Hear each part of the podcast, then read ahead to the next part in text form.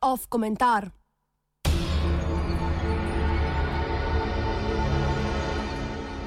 Prvič kot tragedija, drugič kot farsa, pa spet tragedija.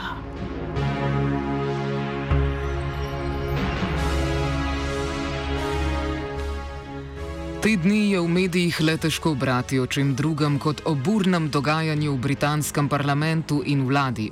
Boris Johnson pa kot ptičje strašilo štrli z vseh platnic. Zamrznitev parlamenta, ki jo je na njegovo prošnjo ustrežljivo razglasila kraljica, je sprožila neskončne aluzije na Karla I. V Guardianu lahko beremo komentar Johna Risa z naslovom Why comparisons between Boris Johnson and Charles I aren't just lazy rhetoric. Ris v njem navaja nekatere politične okoliščine, ki so si podobne v obeh primerjanih obdobjih, da nimo Johnsonovo vse večjo izolacijo celo znotraj lastne baze, ter predstavo o odvečnosti dialoga in potrebi po odločnem nastopu. Ris iz 17. stoletja potegne tudi lekciji, ki bi lahko veljali v sodobni situaciji. Prvič, prej razdrobljena opozicija se je združila v skupnem cilju odprave Karla I. In drugič, kot najuspešnejša se je uveljavila tista skupina, ki je najbolj nagovarjala množice.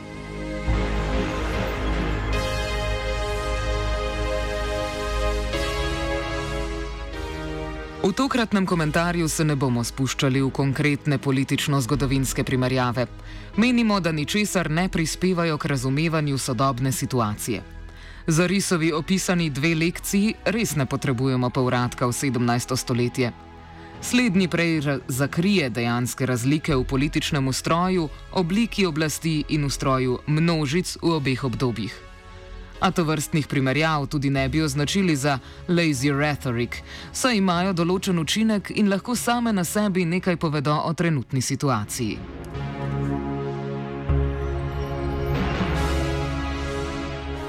Najprej Očitno je takšna primerjava namenjena zgražanju nad avtoritarnostjo premijeja, ki odraža preteklost ansien režima in torej ne ustreza modernim političnim standardom.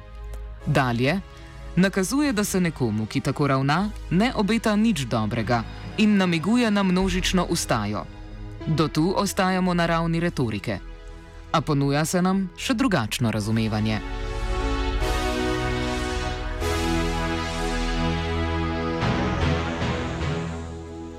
Ko je parlament zbiral vojsko proti naravnemu telesu Karla I., je to storil v imenu političnega telesa Karla I., kot zapiše Kantorovič v kraljevih dveh telesih. Opozicija se je borila proti kralju z malo začetnico, da bi obranila kralja z veliko začetnico. Poskusimo Karlovo situacijo predstaviti kot tragedijo, s tem, da jo umestimo v polje antične tragedije na primeru Antigone. V njej se v protislovju med Ojdipom in Antigono odraža protislovje absolutnih božanskih zapovedi, zapovedi polis na eni in sorodstva na drugi strani. Ker se zapoved dojema kot absolutna in ob tem ni vidna njena družbenost oziroma družbeno protislovje, je razrešitev tega protislovja možna le skozi tragično žrtvovanje enega od predstavnikov zapovedi. Protislovje torej izvira iz družbenih protislovi, ki pa niso vidna, saj družbene zapovedi veljajo za božanske in absolutne.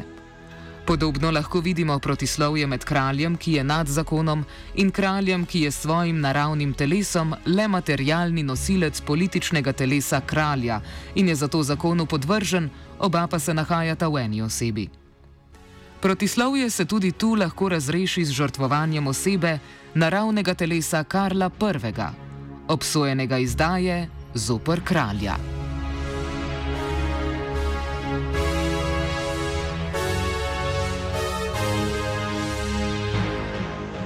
V mestnem času je bil kralj, tudi ta z veliko začetnico, obglavljen.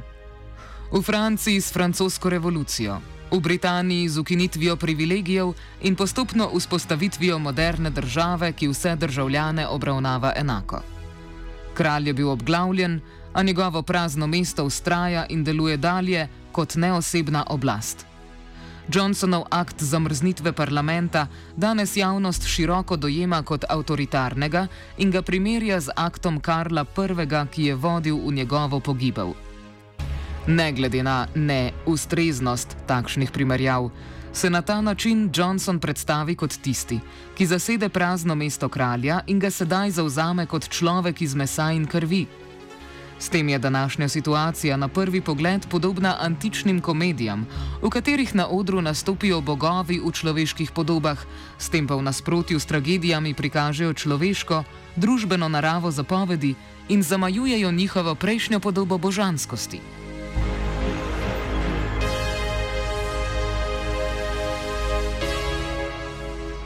Podoba ponovitve dogodka, ki jo evocira med drugim prej omenjeni John Rees, tega prikaže kot farso, ki je ponovila tragedijo.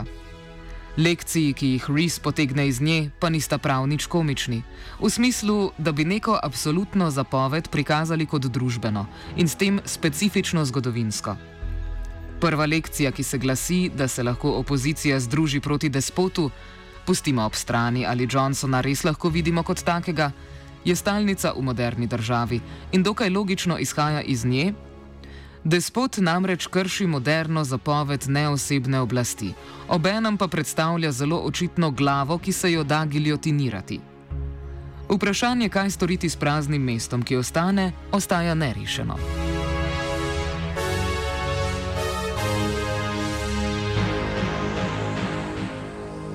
Druga lekcija, da bo verjetno najuspešnejša skupina tista, ki bo najučinkovitejše nagovarjala množice, ni sama na sebi nič manj površna in tudi nič manj ujeta v logiko moderne države.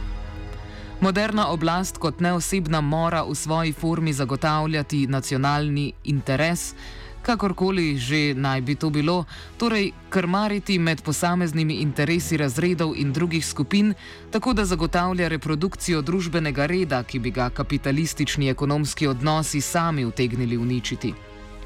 Če so torej uporniki 17. stoletja branili kralja pred kraljem, danes oblast brani kapitalizem pred kapitalizmom.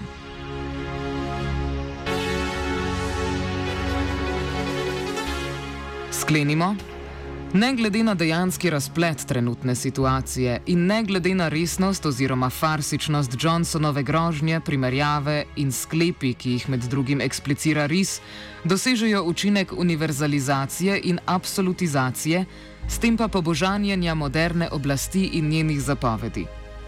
Če bodo te v bližnji prihodnosti prignane do svojega protislovja in bo za razrešitev tega, kot v pravi tragediji, moral biti žrtvovan posameznik, nosilec ene od strani, to torej ne bo razrešitev družbenih razmerij, ki protislovje proizvajajo. To rekoč naj pristavimo, da vendarle ne bi nasprotovali še enemu giljotiniranju.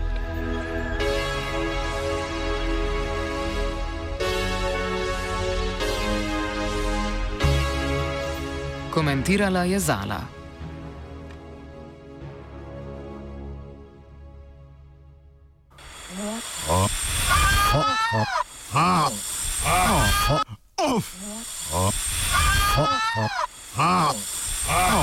Off komentar.